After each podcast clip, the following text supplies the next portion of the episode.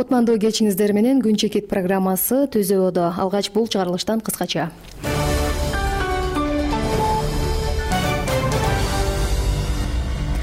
Камчыбек ташиев эки айлык ишинин жыйынтыгы тууралуу маалымат берип ырайымбек матраимовго жаңы кылмыш иши козголгонун айтты.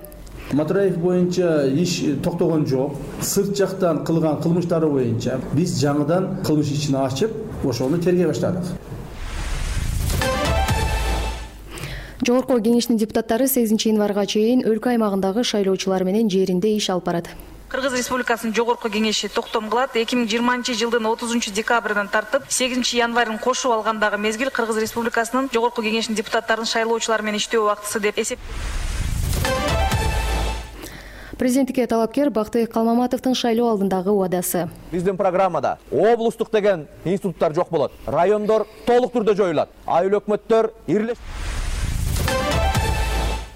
ушул жана башка жаңылыктар менен күн чекит маалымат программасынын жүрүшүндө кабардар болосуздар. Ага чейин жаңылыктар түрмөгү менен тааныша алыңыздар микрофондо бахар хакимова.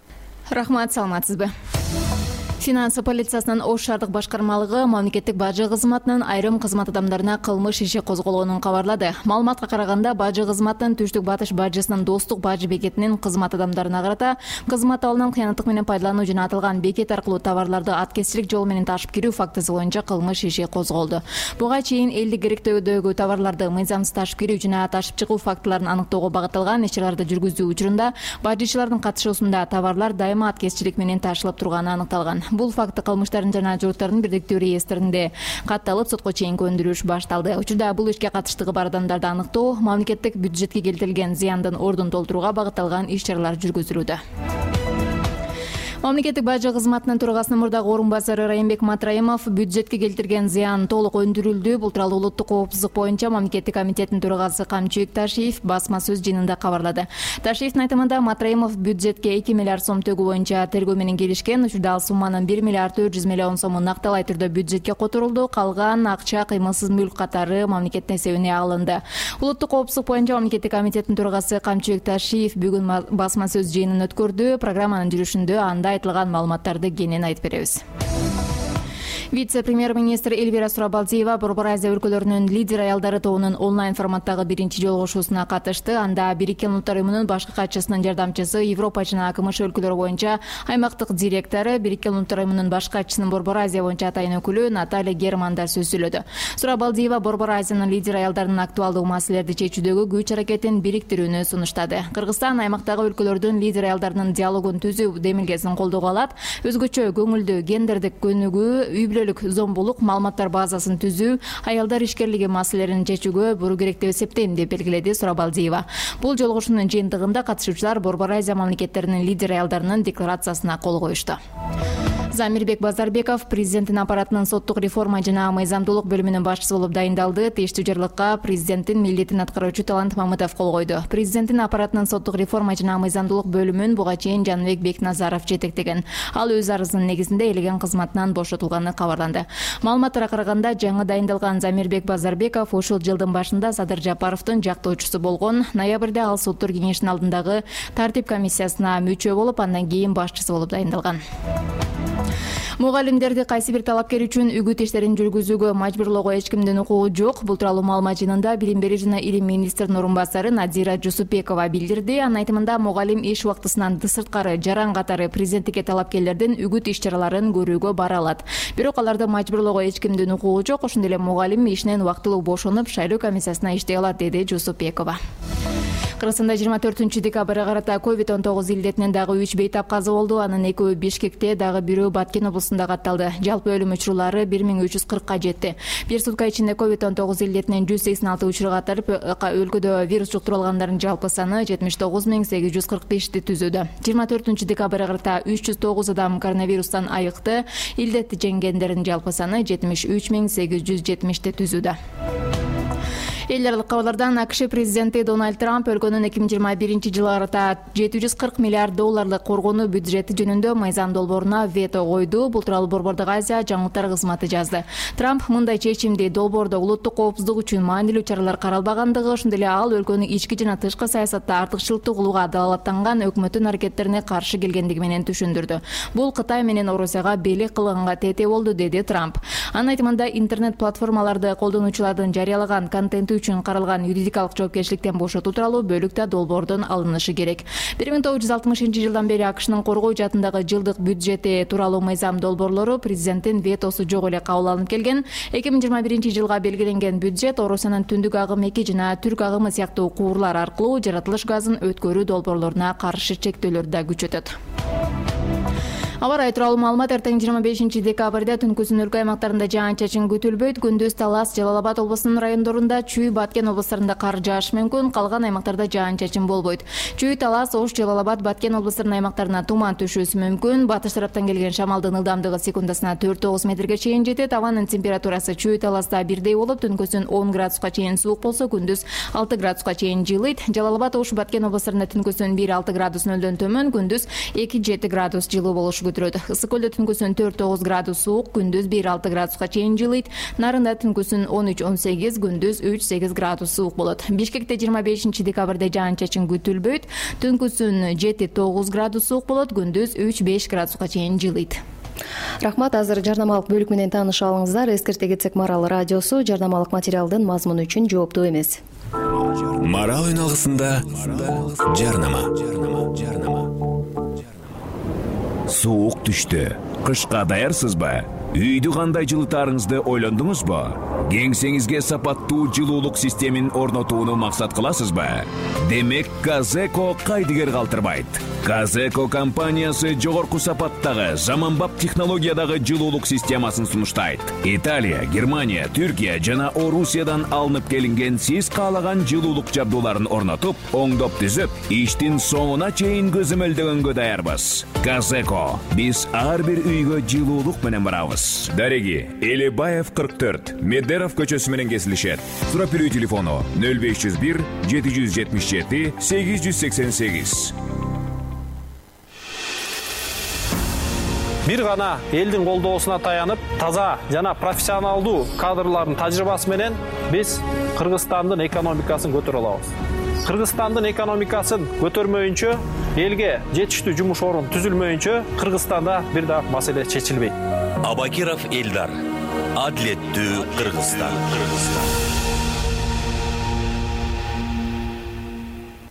аманат security агенттиги. Өз ишинин тактыгы менен сиздин коопсуздугуңузга кам көрөт жана кызматташат. Кызматтары акыркы коопсуздук технологиялар жана заманбап системалар жеке физикалык жана техникалык күзөттөр иш чараларда майрамдык кечелерде коомдук тартипти сактоо кызматын аткарып мамлекеттик жеке менчик жана чет өлкөлүк объектилерди батирлер соода өнөр жай кампаларды көзөмөлдөп туруктуу жана нормалдуу иш алып барат. Аманат security агенттиги сиздин коопсуздугуңуз үчүн өзгөчө кам көрөт. Байланыш телефондору нөл беш жүз элүү үч тогуз жүз токсон тогуз беш жүз элүү беш нөл жети жүз беш жүз жетимиш төрт эки жүз элүү жарнамалык материалдарды улай шаар тургундары үчүн жакшы жаңылык жыйырма бешинчи декабрдан тарта биринчи январга чейин бишкек шаарынын ак сай дүң соода базарында жаңы жылдык ярмарка өткөрүлөт. Ак сай жашылча жемиш дүң базарында азык түлүк тамак аш жашылча жер жемиштер жана чарбачылык үчүн буюмдар кийим кече да сатылат. Базарда ар кандай тамак аш жана турмуш тиричилик буюмдарын сатып гана албастан сатыкка коюуга да болот. Баалар салыштырмалуу бир топ арзан. Дареги фучук көчөсү кырк беш сурап берүү телефону нөл жети жүз беш отуз төрт жетимиш үч токсон алты. Ишиңиз илгери болсун. Илгерилетмек бизден болсун. Жарнама үчүн нөл беш жүз элүү бир жыйырма он нөл нөл. Эми күндүн негизги темаларына кайрылабыз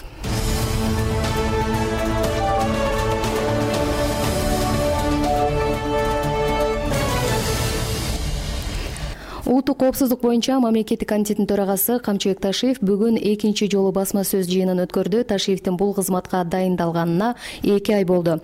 Комитеттин төрагасы резонанстуу кылмыш иштери коррупцияга каршы күрөш тууралуу маалымат берип крим төлөөлдөрдүн кармалышы соттордун байлыгы чек ара маселеси шайлоодогу коопсуздук тууралуу суроолорго жооп берди. Укмкнын төрагасынын басма сөз жыйынындагы урунттуу учурларды кабарчыбыз бахар хакимов айтып берет бүгүн улуттук коопсуздук боюнча мамлекеттик комитеттин төрагалыгына эки ай мурда дайындалган камчыбек ташиев журналисттерге экинчи жолу жыйын өткөрдү ал басма сөз жыйынында дээрлик баштан аяк орус тилинде сүйлөдү. Айрым суроолорго гана кыргызча жооп берди. Алгач ушул резонанстуу кылмыш иштери тууралуу маалыматтарга токтолсок камчыбек ташиевдин айтымында мамлекеттик бажы кызматынын төрагасынын мурдагы орун басары райымбек матраимов бюджетке келтирген зыянды э, зыян толук өндүрүлдү. Матраимов бюджетке эки миллиард сом төгүү боюнча тергөө менен келишкен учурда ал сумманын бир миллиард төрт жүз миллион сому накталай түрдө бюджетке которулду. Ал эми калган акча кыймылсыз мүлк катары мамлекеттин эсебине алынган анын ичинде бир соода борбору жана тогуз батир бар. Соода борбору мамлекеттин эсебине өткөрүлүп сегиз батир укмкнын кызматкерлерине бир батир балдар үйүнө берилмей болду. Матраев боюнча иш токтогон жок матраевдин э, биздин мамлекетибиздин ичинде жасаган кылмыштары боюнча дело э, этип бүттү биз аны сотко жөнөтөбүз жакынкы убакта жөнөтөбүз. Себеби анын айткан мамлекетибизге келтирген зыянынын эки миллиардын биз алдык. Эми матраимовго сырт жактан кылган кылмыштары боюнча башка өлкөлөр менен кылган контрабанддык кылмыштары боюнча бул кытай өзбекстан казакстан россия или башка мамлекеттер менен кылган кылмыштары боюнча биз жаңыдан ишин ачып ошону тергей баштадык. Эми биз сырт жака чыгабыз. Мүлктөрү болсо мүлктөрү болсо ошолорду дагы биз тактайбыз. Мына дубайда мүлкү бар деп атат америкада мүлкү бар деп атат европада мүлкү бар деп атат ошол мүлктөрдү тактайбыз. Матраимов бизде азыр домашний арестте калат. Аны өлкөдөн чыгарбайбыз. Ал биздин э, колубузда болот матраимов. Ушул иштер аягына чейин такталып бүткүчө райымбек матраимов быйыл жыйырманчы октябрда кармалган ага эки миң он алтынчы жылдан бери бажы тармагында коррупциялык схема уюштурган деген айып тагылууда. Матраимов коррупциялык иштерди моюнга алып мамлекеттик казынага эки миллиард сом төлөп берерин билдирген анын сексен миллион сомун алдын ала которгону айтылган. Укмкнын башчысы камчыбек ташиев э, бул басма сөз жыйынында жогорку соттун төрайымы гүлбара калиевага да кылмыш иши козголгонун кабарлады. Ташиевдин маалыматында калиева жергиликтүү сот автоматташтырылган тутумду ишке киргизүү боюнча иштеги кылмышка тиешеси бар. Бул иште мамлекетке сегиз миллион сом зыян келтирилген. Документтерди даярдадык жакында тартип комиссиясына тапшырабыз. Эгер комиссия макулдугун берсе биз аны жоопко тартабыз. Башкача айтканда камакка алабыз иш аягына чыгарылат деди ташиев. Жогорку соттун төрайымы гүлбара калиева бул кызматка эки миң он сегизинчи жылдын сентябрь айында дайындалган. Ал ортодо жогорку соттун маалымат кызматы дароо бул боюнча түшүндүрмө берди. Мекеме гүлбара калиеванын кылмыш жасаганы тактала электигин анын айыбы далилденип сот өкүмү чыкканга чейин ал күнөөсүз деп санаалаарын айтууда жасалган кылмыш үчүн күнөөсү далилденгенге чейин жана соттун мыйзамдуу күчүнө кирген чечими менен аныкталганга чейин адам күнөөсүз деп эсептелет. Жергиликтүү сот амсти ишке ашырууга байланыштуу. Бул долбоор европа биримдигинин кыргыз республикасында укук үстөмдүгү долбоорунун алкагында ишке ашырылып жаткандыгын тендерлерди жана подрядчиктерди тандоону эл аралык уюм өзү жүргүзөрүн белгилейбиз. Андыктан жогорку сот органынын жетекчилиги жана кызматкерлеринин айтылган айыптоолорго катыштыгы мүмкүн эмес. Сот тутумунун өкүлдөрүн айыптоолор акыры анын беделин түшүрүүгө алып келет. Мындай көрүнүштөр элдин сот тутумуна болгон ишенимин төмөндөтүп учурдагы мыйзамдарга каршы келерин билдирет бул жогорку соттун маалымат кызматынын э, айткан э, жүйөлөрү болду. Камчыбек ташиев журналисттердин суроолоруна жооп берип жатып соттордун мүлкү тууралуу да айтты. Анын маалыматына караганда соттордун декларацияда көрсөтпөгөн мүлкү көп алар мындан ары декларацияда көрсөткөн үйүндө. Жашайт айрыкча жогорку соттун судьяларынын мүлкү тууралуу күмөн жагдайлар бар соттор мына айрыкча жогорку соттун соттору мына бул жогорку сот отуз беш сот бар экен. Баары беш жүз жетимиш жиптерде жүрүшөт. Мерседестерди минип жүрүшөт гелендвагендерди минип жүрүшөт. Биз ушинтип сотторго айтып атсак кечээ бир сот эки күн алдын. Үй бүлөсүн алып алып дубайга дем алганы учуп кетиптир бул эмне деген акмакчылык? Жогорку соттун бир судьясы учуп кетиптир кечээ мен ал сотко уже териштирүүнү э, дайындадым. Бул жерде ошол дубайга учуп барган эле төрт адам учуп барган эле. Учуп келген эле дем алып келгенин эсептесек эле он беш жыйырма миң доллар акча болот экен. Сот ал акчаны кайдан алды? Соттун бир кийген шубасы беш миң доллар турат сапогу миң доллар турат иңгек машинеси жүз миң доллар турат жашаган үйү миллион доллар турат. Андан сырткары шаарда квартираларды алып мына кечээки кармаган сотубуздун жыйырма квартирасы бар экен. Бул эмне деген акмакчылык? Демек баардык сотторду ар бир сотту карап чыгабыз быйыл он бешинчи декабрда мыйзамсыз баюу фактысы боюнча жогорку соттун судьясы кармалганы айтылган. Укмкнын маалыматы боюнча ал өзүнүн мүлкүн кирешелерин чыгарышаларын декларацияда көрсөткөн эмес. Тийиштүү киреше булактары жок болсо да көптөгөн кыймылсыз мүлктөрдү сатып алган. Алардын арасында виайпи шаарчыдагы элиталык кыймылсыз мүлктөр алдыңкы курулуш компанияларынан батирлер ысык көлдүн жээгиндеги престиждүү пансионаттардан коттедждер соода борборлорунда коммерциялык объектилер жана люкс класстагы автоунаалар бар экени айтылды. Ишкер жалил атамбаевдин укмкда иштеген уулуна сөгүш берилгенин ташиев кабарлады. Камчыбек ташиевдин пикиринде пандемия шартында жалил атамбаевдин шаан шөкөт менен той бергени бул элдин бетине түкүргөндүк болду биз ойлойбуз бул элдин коомчулуктун бетине түкүргөндүк болот. Эгер ошол адамдын байлыгы болсо берсин элге мамлекетке берсин. Мына той кылып тоюнда үч төрт жанагы машинаны призге коюп бул деген өтө мындай элди токотпогондук болуп эсептелинет. Анын баласы бизде иштейт экен баласы эми үйлөнүптүр үйлөнгөнүң үчүн деп туруп аны жумуштан айдап берсек болбойт деген таризде баласына строгий выговор бердик. Эми баласы жакынкы бир эки жылда по служебной лестнице не может подняться. За поступок отца. Теперь пусть это будет уроком для всех богачей эсиңизде болсо он экинчи декабрда ош шаарында ишкер жалил атамбаевдин уулунун үйлөнүү тою өткөн. Жалил атамбаевдин уулу учурда укмкнын кызматкери экендиги ага карата кызматтык иликтөө башталганы кабарланган бул тойго ош шаарынын мэри таалайбек сарыбашев жогорку кеңештин вице спикери аида касмалиева депутаттар искендер матраимов азамат арапаев алтынбек сулайманов элчи ибрагим жунусов жана башка белгилүү адамдар барышкан бул коомчулукта чоң талкуу жараткан. Камчыбек ташиев э, кыргызстанда кезексиз президенттик шайлоодон кийин башаламаттар болушу мүмкүн деген мүмкүнбү деген суроого да жооп берип аны кайсы бир талапкерлер уюштурууга ниеттенип жатканын айтты. Бирок ал мындайга жол берилбей турганына ишендирүүдө ал эми онунчу январдан кийин кайсыл бир күчтөр э, элди чогултуп э, бийликти алып алабыз же бир коомчулукка кандай бир чоң бир резонанс жараткан митингдерди жасайбыз деген ойлору бар экен. Митинг жасоо ар бир адамдын өзүнүн эрки. Бирок коомдук тартипти бузганга биз жол бербейбиз. Эгерде кайсыл бир кандидаттар биз ал кандидаттарды билебиз кимдер экенин. Алардын кантип иш кылып атканынан бери билебиз. Алардын кайсыл жерде ким менен кантип сүйлөшүп онунчу январдан кийин он биринчи январга күч топтоп атканынан бери билебиз. Бирок э, мен ойлойм андай нерсеге алар барбаш керек жана бара албайт. Эгерде алар миң адам чыгарса эки миң адам чыгарса он миң адам чыгарса миллиондогон адамдар келип аларды өзүнүн ордуна коюп коюшу мүмкүн.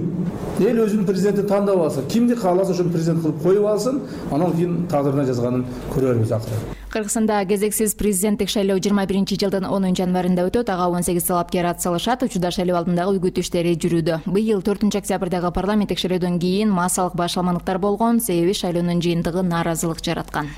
Басма сөз жыйынында ташиев чек ара маселеси чек ара боюнча маселеге да токтолуп коңшулар менен чек араны тактоо иши уланып жатканын жыйынтык акырындык менен чыгаарын айтты. Э, ташиевдин маалыматы боюнча учурда кыргызстан менен өзбекстан ортосунда чоң жана эң көйгөйлүү тактала элек тогуз тилке бар калган мамлекеттер менен маселе жок. Азыр бир гана өзбекстан менен ошо тажикстан калды. Өзбекстан менен бизде азыр тогуз участок калды такталбаган бирок э, көйгөйлүү чоң чоң тогуз участогубуз калды. Биз буларды э, сүйлөшүп атабыз кудай буюрса тактап чечебиз деген ойдобуз өтө оор жолугушуулар сүйлөшүүлөр болуп атат. Бирок алар дагы бизди түшүнүп атат биз да аларды түшүнүп атабыз. Ойлоймун биз муну чечебиз кудай буюрса чечебиз крим чөйрөсү менен күрөшүү тууралуу да суроолор болду. Ташиевдин айтымында дженго кайманаты менен белгилүү кадыр досонов жакында кармалат. Камчыбек ташиев кыргызстанда бир дагы бандиттин крим төбөлдүн таасири болбошу керектигин ишкерлерге кысым көрсөтүү болбошу керектигин айтууда ошондой эле кыргызстандын мурдагы президенти алмазбек атамбаевдин саламаттыгы начарлап кеткенин айтып аны эртең кабараларын да кошумчалады. Алмазбек атамбаев буга чейин укмкнын тергөө абагында кармалып октябрда бишкектеги кырк жетинчи колонияга которулган кийин кайра укмкнын тергөө абагына жеткирилгени айтылган улуттук коопсуздук боюнча мамлекеттик комитеттин төрагалыгына президенттин милдетин аткарган садыр жапаровдун буйругу менен дайындалган камчыбек ташиев бүгүн журналисттерге берген жыйында жапаров экөөнүн достугу тууралуу да буларды билдирди садыр мен үчүн чоң адам э, мен э, жакшы көргөн ушул ушул өмүрдө тапкан жакшы досум. Биз садыр экөөбүз ошол ойлогон мурдатан ойлогон элибизди журтубузду өзгөртөбүз элибизге журтубузга кызмат кылабыз мамлекетибизди башкача кылып түзүп элдин кыргызстандын кадыр баркын көтөрүп элибизди жакшы жашоого жеткизебиз деген тилегибизге жетебиз деген ойдомун садыр азыр шайлоого чыгып кетти шайлоодон э, утуп келсе алла тааланын буйруп он биринчи январда президент болуп шайланып калса анда биз баягы айткан э, ой тилегибизге жетебиз коомчулукта камчыбек ташиевдин айткан маалыматтары түрдүүчө талкууланып жатат. Ошол эле райымбек матраимовдон өндүрүлгөн батирлер эмне себептен укмкнын кызматкерлерине берилери сындалууда андан тышкары э, андан көрө ошол батирлер мугалимдерге же болбосо дарыгерлерге берилсе туура болмок деген пикирлер айтылууда. Мындан тышкары казынаны миллиарддаган акчага чыгымга алып келип эки миллиард сом гана кайтарганы сындалып жатат. Кененирээк маалыматтарды сайтыбыздан окууну сунуштайбыз. Рахмат. Бүгүнкү жогорку кеңештин жыйынында депутаттар бир катар социалдык экономикалык маселелерди көтөрүп жооптуу органдарды көңүл буруп маселени чечүүгө чакырды. Ошондой эле үй бүлөлүк зомбулукту көзөмөлдөө жана коргоо жөнүндөгү мыйзамдын аткарылышы талкууланды. Жыйындын соңунда депутаттар эки миң жыйырма биринчи жылдын сегизинчи январына чейинки мезгил аралыгында өлкө аймагындагы шайлоочулар менен жеринде иш алып бармай болду. Темага кененирээк айпери жумабай кызы токтолот. Бүгүн жыйырма төртүнчү декабрдагы жогорку кеңештин жыйынында бир катар социалдык экономикалык маселелер көтөрүлдү. Алсак депутат марден маматалиев ыктыярчылардын айып пулдарын кечүү маселеси алигиче чечиле электигине токтолду. Ар кандай бюрократия кылып мэрияга баргыла минздравка баргыла мвдга баргыла керек болсо бир уят сөздөрдү айтып силерди эмне бирөө чык деди беле деп деңге чейин барат. Эми андай болбойт да. Мындай эле комиссия түзүп маселесин карап чечип берип койсо болот эле. Ал камерада көрүнүп турбайбы ал? Защитный костюм менен знактарды коюп алып жүрүшөт. Мына ушул маселеге көңүл буруп койсоңуз. Ал эле эмес керек болсо рахмат айткандын ордуна бир жөн эле почетный грамота болбосо дагы жакшы сөздөрүн айтып койгонго кайра тескерисинче монтип пеня штраф менен дагы эле келатыптыр үйлөрүнөчү ал эми депутат эрмамат тагаев пакистан кыргызстандын медициналык окуу жайларын кара тизмеге киргизип койсо да билим берүү жана илим министрлиги менен тышкы иштер министрлиги эч кандай реакция кылбай жатканын айтты. Анын айтымында пакистандан жана индиядан келген жыйырма миң студенттен орто эсеп менен жылына жүз миллион доллар түшөт. Жыйырма миң студенттен где то жүз миллион доллар түшөт экен. Ага токтолуп өтөйүн. Тогуз айда контракттын өзүнөн эки миң доллардан болсо үч жарым миллиард сом. Тамак ашыга тогуз айдын ичинде эки миллиард жети жүз миллион. Жатаканасына алты жүз отуз миллион. Общественный транспортко эки жүз жетимиш миллион. Кийим кечесине жетимиш миллион. Связь интернетке жетимиш эки миллион. Айтып өтсө өтө көп ошондо где то жүз миллион доллар түшөт экен. Бул прямой инвестиция. Биздин ички дүң продукциянын кыргыз республикасынын бир бүтүн ондон эки пайызына. Депутат бактыбек турусбеков болсо коопсуз шаар өзүнчө эле бизнес болуп калганын айтып өкмөттү көңүл бурууга чакырды безопасный город деп коюп алдык. Бул өзүнчө эле бизнес болуп калды. Алмаз акунжанович жазып алсаңыз бул маселени эки үч жолу көтөрдүм эле. Аэропортко баратканда деле мына трассада жүргөндө мына үскөл облусуна баратканда камералар турат. Эл аралык талап менен коюлган эмес да знактары жок. Камерадан кийин эле сразу штраф. Бул деген бизнес кылып өтө айдоочулар көп жалоба түшүп атат да. Ошонун эл аралык талап менен коюп берсе знактарын анан штрафтарын. Депутат чынара урумкалиева кыргызстанда миграция саясаты аябай чаржайыт болуп жатканына токтолду. Анын айтымында миграциялык саясат каралбай калып бул багытта ишмердүүлүк жүргүзгөн мекемелер бири бирине шылтап айып пул салуу жаатында гана кызмат көрсөтүп калган. Мына бир эле ушул канча чет мамлекеттен келген граждандар бар десе эч ким билбей атат бирин бирин карап атышат электронный учет иностранных граждан бул гкмбнга кирет деп атат. Бирок аяка үч ой беш орган кирет деп атат. Бири бирине шылтайт мен бул маселе менен ошо баардыгына кайрылып көрдүм да.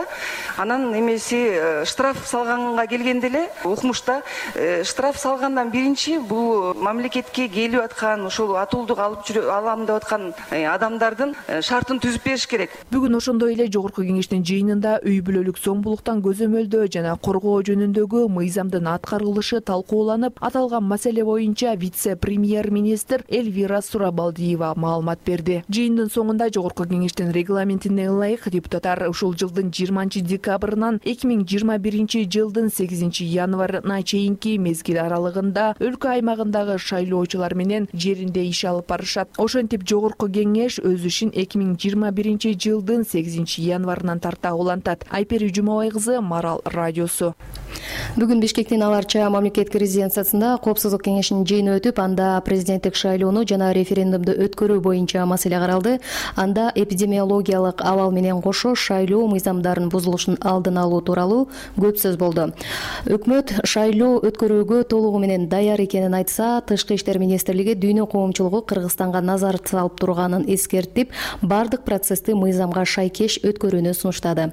Темага кабарчыбыз токтолот коопсуздук кеңешинин мүчөлөрү бүгүн жыйырма төртүнчү декабрда жыйынга чогулуп президенттик шайлоо жана референдум өткөрүүнү талкуулашты. Алгач борбордук шайлоо комиссиясынын төрайымы нуржан шайлабекова жалпы маалымат берди.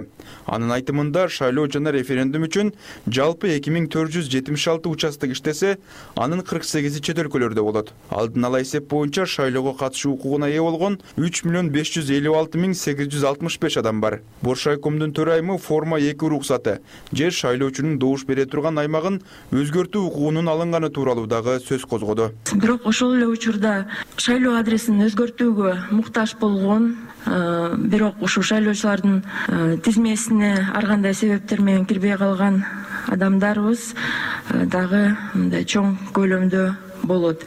Э, мен ойлойм э, биз ушул дифференциациянын үстүндө дагы иштеп алдыда мындай активдүү шайлоо процесс пландаштырылган кезектеги жергиликтүү шайлоолор болот парламенттик шайлоолор болот. Э, демек биз ушул маселенин үстүндө иштеп бир нече чечимдерди кабыл алуусу зарыл болуп атат деп айтсак болот. Төрайымдын айтымында президенттик шайлоого талапкерлер үчүн жыйырма жетинчи декабрдан баштап эки жолудан өтө турган дебаттар башталат андан тышкары бшкнын сайтында талапкер деген портал ачылып алар тууралуу маалыматтар жазылган шайлоого катарлаш өтө турган референдум үчүн үгүт жүргүзүүгө тогуз топ катталгандыгын дагы жарыя кылды. Премьер министрдин милдетин аткаруучу вице премьер министр артем новиков октябрда өтө турган парламенттик шайлоо өкмөт үчүн чоң сабак болгондугун айтты. Бул жолку шайлоодо аткаруу бийлиги уюштуруу иши менен гана алектенерин административдик ресурсту колдонуудан оолак болоорун убадалады. Также извлекла для себя большой урок по событиям произошедших. Ошол себептүү өкмөт шайлоону калыс жана туура уюштуруп берүү милдетин так аткарат. Аткаруу бийлиги административдик ресурстун колдонулушуна жана медицина кызматкерлерин мугалимдерди жана башка мамлекеттик кызматтагыларды да жеке саясий кызыкчылык үчүн колдонууга жол бербейт. Эгерде кандайдыр бир кысым жасалган учурларга күбө болуп калсаңыздар тезинен өкмөткө же республикалык штабка кабар берүүңүздөрдү өтүнөм. Азыр шайлоонун оюну өзгөрдү. Өкмөт бир гана шайлоону уюштуруу жана техникалык маселелерге гана жооп берет. И техническими вопросами вопросами организации проведения выборов. Шайлоо учурунда коопсуздукту камсыз кылуу үчүн он эки миңдей милиция кызматкери иштейт бул процесс учурунда чагымчылыкка жол бербөө үчүн жыйырманчы декабрдан тарта ок атуучу курал жарак. Жана жардыруучу заттарды колдонууга тыюу салынып мергенчилик дүкөндөрү дагы убактылуу жабылган. Ал эми эпидемиологиялык абал да эске алынып атайын алгоритм иштелип чыккан. Добуш берүүгө келген жарандардын коопсуздугу сакталарын убада кылышууда. Тышкы иштер министри руслан казакбаев кеңештин катышуучуларына алдыдагы шайлоо жана референдум учурундагы мыйзамдын сакталышы керектигин учурда дүйнө коомчулугунун назары кыргызстанда экендигин эскертти. Ошол себептүү референдум өткөрүү үчүн алдын ала кеңири талкуулар өтүүсү керектигин туура деп баалады. Бул кеңири талкууланып баардык губернаторлорубуз акимдерибиз айыл өкмөттөрүбүз баардык жерде кеңири талкууланып түшүндүрүш керек. Ал конституциянын маанисин эгер ошондой өзгөрүүлөр болгон учурда мындан ары кандай тартипке келебиз кандай социалдык экономикалык жыйынтыктарга ал алып келет. Ошол талкууну кеңири ошондо дүйнөлүк коомчулукту дагы бизди туура түшүнөт. Өнүгүү прогресс фракциясынын төрагасы бакыт төрөбаев шайлоодон кийинки кырдаалга тынчсызданды ал үчүн баш прокурор талапкерлер менен сүйлөшүп ар кандай башаламандыктардын алдын алуусу керек деген ойдо ошондой эле боршайкомдун коопсуздугунда бекемдөө сунушун берди. Шайлоо бүткөндөн кийин борбордук шайлоо комиссияны коопсуздукка алыш керек. Миң адам эки миң адам үч миң адам келип алып дагы борбордук шайлоо комиссияны мажбурлап туура эмес мыйзамсыз чечимдерди мажбурлап чыгарып салбасын да коопсуздук кеңештин жыйынында бир катар чечим кабыл алынып анда эпидемиологиялык абалдагы коопсуздук шайлоо процессин мыйзамга шайкеш өткөрүү шайлоочулардын жана участок кызматкерлеринин коопсуздугу. Ар кандай чакырыктардын алдын алуу сыяктуу тапшырмалар тиешелүү органдарга берилди. Эскерте кетсек президенттик шайлоону жана референдумду өткөрүү үчүн республикалык бюджеттен беш жүз токсон сегиз бүтүн ондон төрт миллион сом каралган.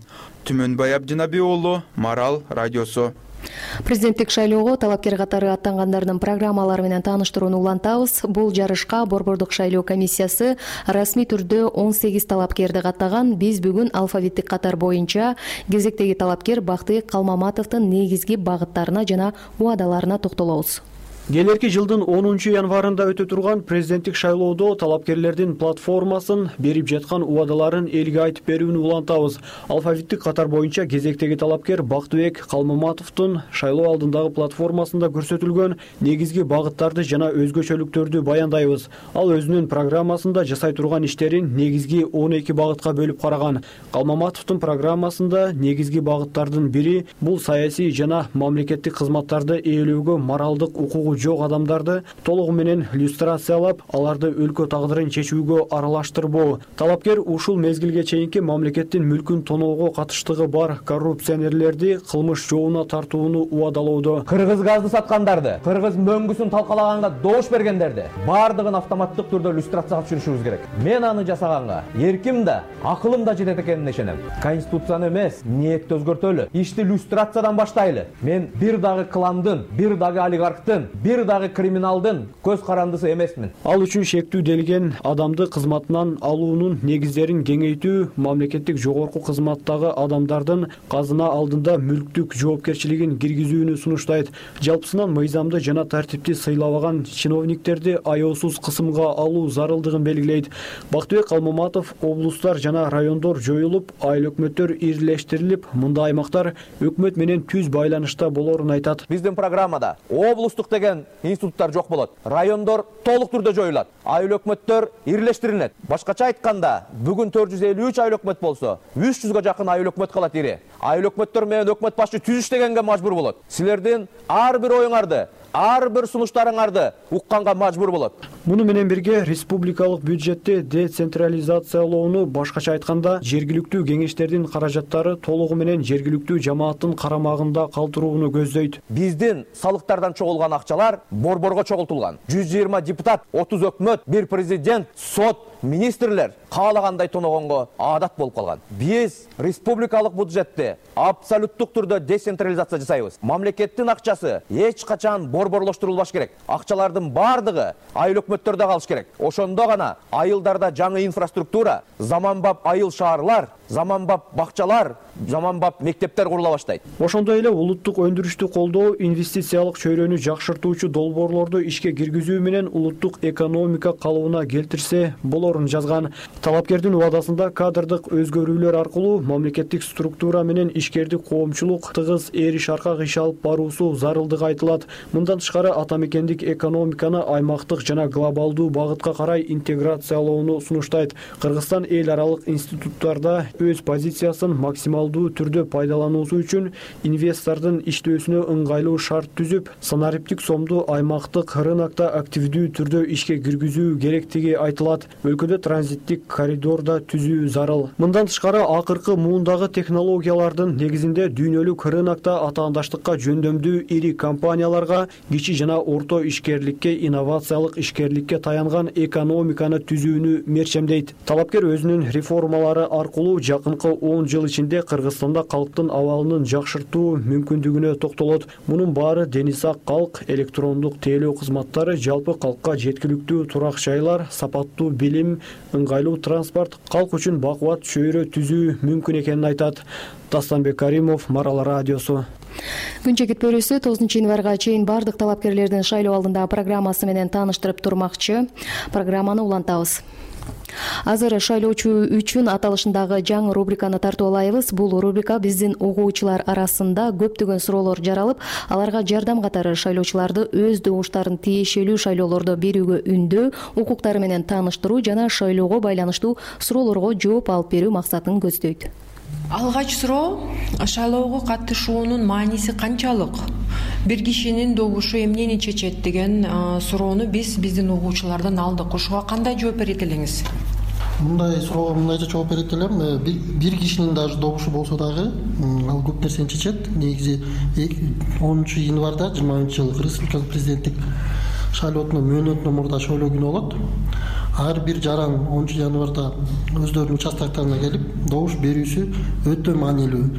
Э, сиздер билгендердей билсеңиздер өткөн шайлообузда парламенттик шайлоодо. Бир миллиондон ашуун жарандарыбыз э, добуш берген эмес. Алардын пикири эске алынган эмес.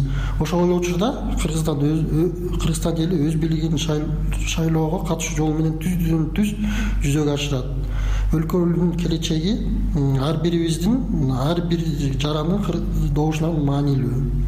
Шайлоого катышуу үчүн кайсы кадамдарды жасашыбыз керек ар бир шайлоочу? Шайлоого барып өзүнүн добушун берүү үчүн ар бир жаран эң негизгиси э, жакын жерде жайгашкан биометрикалык маалыматтарды топтоочу үйүнө барып кыскача айтканда цомдорго барып биометрилик каттоодон өтүшү керек. Э, түйүндөрдүн даректерин борбордук шайлоо комиссиясынын сайтында жазылуу бар grс gov kg сайтынан тапса болот андан кийинкиси өзүн тизме gov kg мамлекеттик порталдан шайлоочулар тизмесинен текшерет. Э, шайлоочулардын тизмесине катаны же так эместикти байкаса өзүнүн участок шайлоосуна комиссиясына кайрылып жыйырма тогузунчу декабрдын күнүнө чейин форма бир боюнча арыз толтуруп э, өз катаны оңдоого э, өзүнүн арызын таштайт. Президенттикке талапкерлердин тизмеси менен таанышып кийинки кадам өмүр баянын кылтаттык менен изилдеп өлкөнү өнүктүрүү программаларын карап теледебаттарды кылдаттык менен угуп э, байкап андан кийин ошондой эле ошол э, кандидаттардын э, өздөрүнүн мурун кандай иш жасады ошолоруна чейин кылдаттык менен байкап эстеп анан барып добуш күнү участокко келип аң сезимдүү тандоо жасашы керек сиз азыр жалпы иш коомдук фондунун эксперттери тартуулаган жооптордун жардамы менен даярдалган шайлоочулар үчүн рубрикасын уктуңуз. Эгер шайлоого байланыштуу сурооңуз болсо ноль беш жүз элүү эки алтымыш сегиз ноль алты ноль алты номерине кайрылыңыз. Биз тиешелүү адистен жооп алып берүүгө даярбыз. Жалпы иш коомдук фонду кыргызстанда онунчу январда мөөнөтүнөн мурда өтүүчү президенттик шайлоого көз карандысыз байкоо жүргүзүү долбоорун ишке ашырат. Долбоор иш чаралардын кенен спектрин аны менен кошо окутуу коомчулукту изилдөө жана шайлоолорго мониторинг жүргүзүүнү камтыйт. Фонд шайлоо процессинин баардык этаптарына мониторингти жүзөгө ашырат. Алардын ичинде шайлоо алдындагы этап шайлоо күнү жана шайлоодон кийинки жоболор кирет. Чогултуп текшерилген маалыматтарга таянып жалпы иш фонду шайлоо алдындагы мезгил жөнүндө отчетту бешинчи январда коомчулукка тартуулайт. Программаны улантабыз. Эки миң жыйырманчы жыл билим берүү тармагына бир катар өзгөртүүлөрдү алып келди. Пандемиядан улам бул жылы аралыктан билим берүү иштери жүргүзүлдү. Ага байланыштуу кагаз иштери окуу системасы толугу менен автоматташтырылды. Ушул жылы бул багытта аткарылган иштерди жыйынтыктоо максатында билим берүү жана илим министрлигинин өкүлдөрү маалымат жыйынын өткөрдү. Анда өзгөчө абал киргизилген учурунда окуу программасын үзгүлтүккө учуратпоо үчүн министрлик тарабынан көрүлгөн чаралар жана эки миң жыйырма биринчи жылда ишке ашырыла турган жаңы долбоорлор туурасында айтылды иш чарага кабарчыбыз тумара карыпбекова катышып келди. Кененирээк кийинки материалда. Мектепти ачкыла мектепти мага жашоо жок. Карантиндеп үйлөрүндө камалып элдер калды үй бүлөсүн бага албай окуучулар билимдерин ала албай. Мен да жүрөм мектебимди сагынып айла жоктон сабагыма бара албай кичинекей окуучулардан тартып мугалимдерди да бушайманга салган коронавирус пандемиясы биринчилерден болуп билим берүү тармагында революция жасады. Билим берүү жана илим министрлиги бир катар чараларды көрүүгө мажбур болду. Муну менен аралыктан окуу түшүнүгү кирип келди. Окуу программасын үзгүлтүккө учуратпоо максатында атайын тандалган мугалимдер тарабынан миңден ашуун предметтик видео сабактар даярдалды. Алар өлкөдөгү алты телеканалдан көрсөтүлүп атайын иштелип чыккан порталга жүктөлдү. Ага катар электрондук китепканалар мобилдик тиркемелер жана интернет ресурстар түзүлдү. Ушул күнгө чейин өлкөнүн көпчүлүк аймактарында окуучулар дистанттык түрдө билим алууда. Билим берүү жана илим министринин орун басары надира жусупбекова пандемияга карабастан эки миң жыйырманчы жылы бир катар алгылыктуу иштер жасалганын республика боюнча бир миң тогуз жүз он беш жалпы билим берүү мектептеринин окуучулары реалдуу түрдө билим алып жаткандыгын билдирди. Дистанттык формат бул убактылуу гана формат да. Бул баягы пандемия учурунда билим берүү системасы балдардын педагогдордун ден соолугун ден соолугунун коопсуздугун сактоо үчүн гана убактылуу өтө турган формат болчу. Ошондуктан биз саламаттык сактоо министрлиги менен биргеликте так алгоритмди иштеп чыкты ар бир мектеп бала бакчада кандай шарттар сакталышы керек? Дистанттык форматта биздин педагогдорубуз канчалык аракет кылса дагы бул толук кандуу билим берүү процесси процессин жүргүзүү абдан оор окуу жылы башталганда республикалык штабтын уруксааты менен оффлайн режимде билим берүүнү жанданткан мектептерге санитардык режимди сактоо үчүн бюджеттен жүз сексен беш миллион сом бөлүнгөн. Ага мектептер үчүн антисептикалык дезинфекциялык каражаттар сатылып алынган. Эки миң жыйырма эки миң жыйырма бир окуу жылына жогорку жана орто кесиптик билим берүү мекемелерине абитуриенттерди кабыл алуу онлайн режимде өттү. Быйылкы окуу жылында жогорку окуу жайларына отуз алты миң үч жүз алтымыш төрт орто билим берүү мекемелерине отуз сегиз миң жетимиш эки студент кабыл алынды. Билим берүү жана илим министринин орун басары нурлан оморов министрлик тарабынан атайын жумушчу топ түзүлгөнүн билдирди. Жумушчу топ салттуу окуу жанданган кезде окуу процессин улантуу боюнча алгоритм иштеп чыкты. Нурлан оморов бул долбоор тууралуу айтып берди. Э, бул алгоритм алкагында толугу менен э, салттуу форматтагы оффлайн окутууну уюштурууга төмөнкүлөр э, үчүн уруксат берилет. Э, биринчи даярдоонун баардык багыттары жана адистери боюнча бүтүрүүчү курстардын студенттери жана магистранттарына даярдоонун багыттары жана адистери боюнча эң курстардын студенттери бүтүрүүчү курстардын жана медициналык адистиктерден тышкары үчүн окутуу процесси төмөнкү алгоритм сактоо менен аралаш окутуу формасы колдонулат. Окутуу планынын баардык циклдерин дисциплиналар боюнча лекциялык сабактар аралыктан онлайн. Билим берүү технологияларын колдонуу менен алыстан окутуу режиминде болот пандемия учурунда чет жакта билим алган кыргызстандык көпчүлүк студенттер өлкөгө кайткан. Бүгүнкү күндө алардын басымдуу бөлүгү билим алып жаткан өлкөлөрдө эпидемиологиялык абал туруксуз болгонуна байланыштуу кыргызстанда онлайн режимде окуусун улантууда. Бирок ага карабастан быйылкы бүтүрүүчүлөрдүн арасында чет жакка тапшырган студенттер да жок эмес. Министрдин орун басары нурлан оморов быйылкы окуу жылында чет мамлекеттеги жогорку окуу жайларына тапшырган кыргыз студенттери кандай негизде билим алып жатканы туурасында маалымат берди. Ошол чет өлкөдөгү мамлекеттер менен белоруссия венгрия кытай тажикистан э, россия федерациясы менен баягы өкмөттөр арасындагы э, макулдашуунун негизинде квоталар бөлүнгөн. Э, ал жагынан быйылкы пандемия учурунда көбүнчө ошо европадагы вуздар мисалы үчүн венгрияны алсак аларга алар дагы онлайн башталды. Ошондуктан чет өлкөгө өткөн студенттер бул жерде эле онлайн түрдө ар бир университеттин талаптарына жараша окуу процессин жүргүзүп жатышат эскерте кетсек эки миң жыйырманчы жыл билим берүү тармагында бир катар өзгөртүүлөрдү алып келген жыл болду. Быйылкы жылы дистанттык окуу системасы уюштурулуп аралыктан билим берүү иштери жүргүзүлдү. Ага байланыштуу кагаз иштери окуу программасы толугу менен автоматташтырылды. Ошондой эле мектеп мугалимдеринин жана китепканачылардын иши жеңилдеди. Мугалимдер кереги жок кагаз иштеринен арылса китепкана кызматкерлеринин түйшүгү азайып атайын иштелип чыккан программа аркылуу айлап жасаган жумуштарын аз убакыт ичинде бүтүргөнгө мүмкүнчүлүк жаралды. Тумара карыпбекова марал радиосу. Эми дүйнөдө болуп жаткан негизги окуяларга назар салсак кабарлар топтомун айпери кыдырали кызы даярдады. Саламатсызбы? Дүйнөлүк жаңылыктардагы урунттуу учурлар менен тааныштырсак арменияда нааразычылык акциясы уланууда армениянын борбору ереванда оппозициянын тарапташтары кайрадан нааразычылыкка чыгышты. Алар никол чыккынчы деген урандарды кыйкырып премьер министр никол пашиняндын кызматтан кетүүсүн талап кылышууда. Активисттер армения өкмөтүнүн имаратына топтолушуп министрлер кабинетинин ишине тоскоолдук жасоо аракетинде. Өкмөт имаратын милициянын ыкчам тобу кайтарып турат.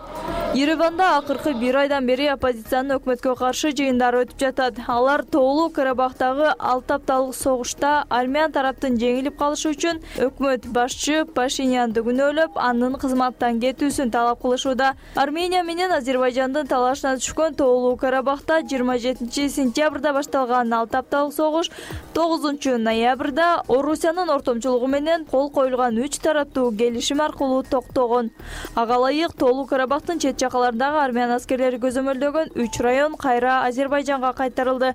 Онунчу ноябрдан тартып тынчтык орнотуу күчтөрү катары орусиянын эки миңдей жоокери аймакка киргизилген. Молдовада бүгүн жаңы шайланган президенти майя сандунун инаугурациясы өттү. Ант берүү аземинен соң эми президент расмий түрдө кызматына киришти. кызматын өткөрүп берген игорь додон буга чейин жарандарга кайрылып оор кырдаалда өлкө башында болгонун айтты. Ошондой эле ал өз сөзүндө парламент төрагасы зинаида гречанайга жана премьер министр ион кекуга кызмат үчүн ыраазычылык билдирип пандемия жана экономикалык кризис менен ийгиликтүү күрөш алганын белгиледи. Муну менен бирге жаңы президентти жоопкерчиликтүү болууга чакырды. Майя санду он бешинчи ноябрда молдова өлкөсүндө өткөн президенттик шайлоонун экинчи айланпасында игорь додондон көп добуш алып жеңүүчү деп табылган. кырк сегиз жаштагы майя санду бюджет үнөмдөө үчүн мамлекеттик резиденциядан баш тартып кишиневдогу эки бөлмөлүү жеке батиринде жашаарын айткан италиянын баардык аймагы кызыл зонага киргизилди акыркы жума ичинде дүйнө боюнча төрт жарым миллиондон ашык адамдан коронавирус аныкталды. Бул пандемия башталгандан берки эң жогорку көрсөткүч болгонун дүйнөлүк саламаттык сактоо уюму маалымдады. Италияда соңку жума аралыгында вирус жуктуруп алгандар жүз он эки миңге көбөйгөн. Премьер министр өлкөнүн баардык аймагын кызыл зона деп атады. Жыйырма төртүнчү декабрдан алтынчы январга чейин үйдөн эркин чыгуу бир айылдан бир айылга каттоо чектелген. Ресторандар жана барлар ишин токтотту өзбекстан тажикстандын түндүгүнө жаратылыш газын берүүнү кайра улантты. Газдын негизги бөлүгү аймактагы жүзгө жакын өнөр жай ишканаларына багытталат. Өзбекстан тажикстанга жаратылыш газын берүүнү эки миң он экинчи жылы токтоткон. Кийин кайра газ берүүнү эки миң он сегизинчи жылдын жазында калыбына келтирген. Тажикстан өзбекстандан газдын бир миң куб метрин дүйнөлүк баадан жыйырма отуз долларга арзан сатып алат. Айпери кыдырали кызы марал радиосу ардактуу угармандар күн чекит программасы ушуну менен соңуна чыкты. Ушул жана башка жаңылыктар менен кененирээк биздин марал фм kg сайтынан жана интернет аркылуу телеграмдан марал радиосунун каналынан кайталап каалаган убагыңызда жана ыңгайлуу жерден уксаңыздар болот. Берүүнү мен гүлшан кулматова алып бардым. Режиссердук пультту тыныбек ботойбеков башкарды. Кечиңиздер көңүлдүү улансын саламатта калыңыздар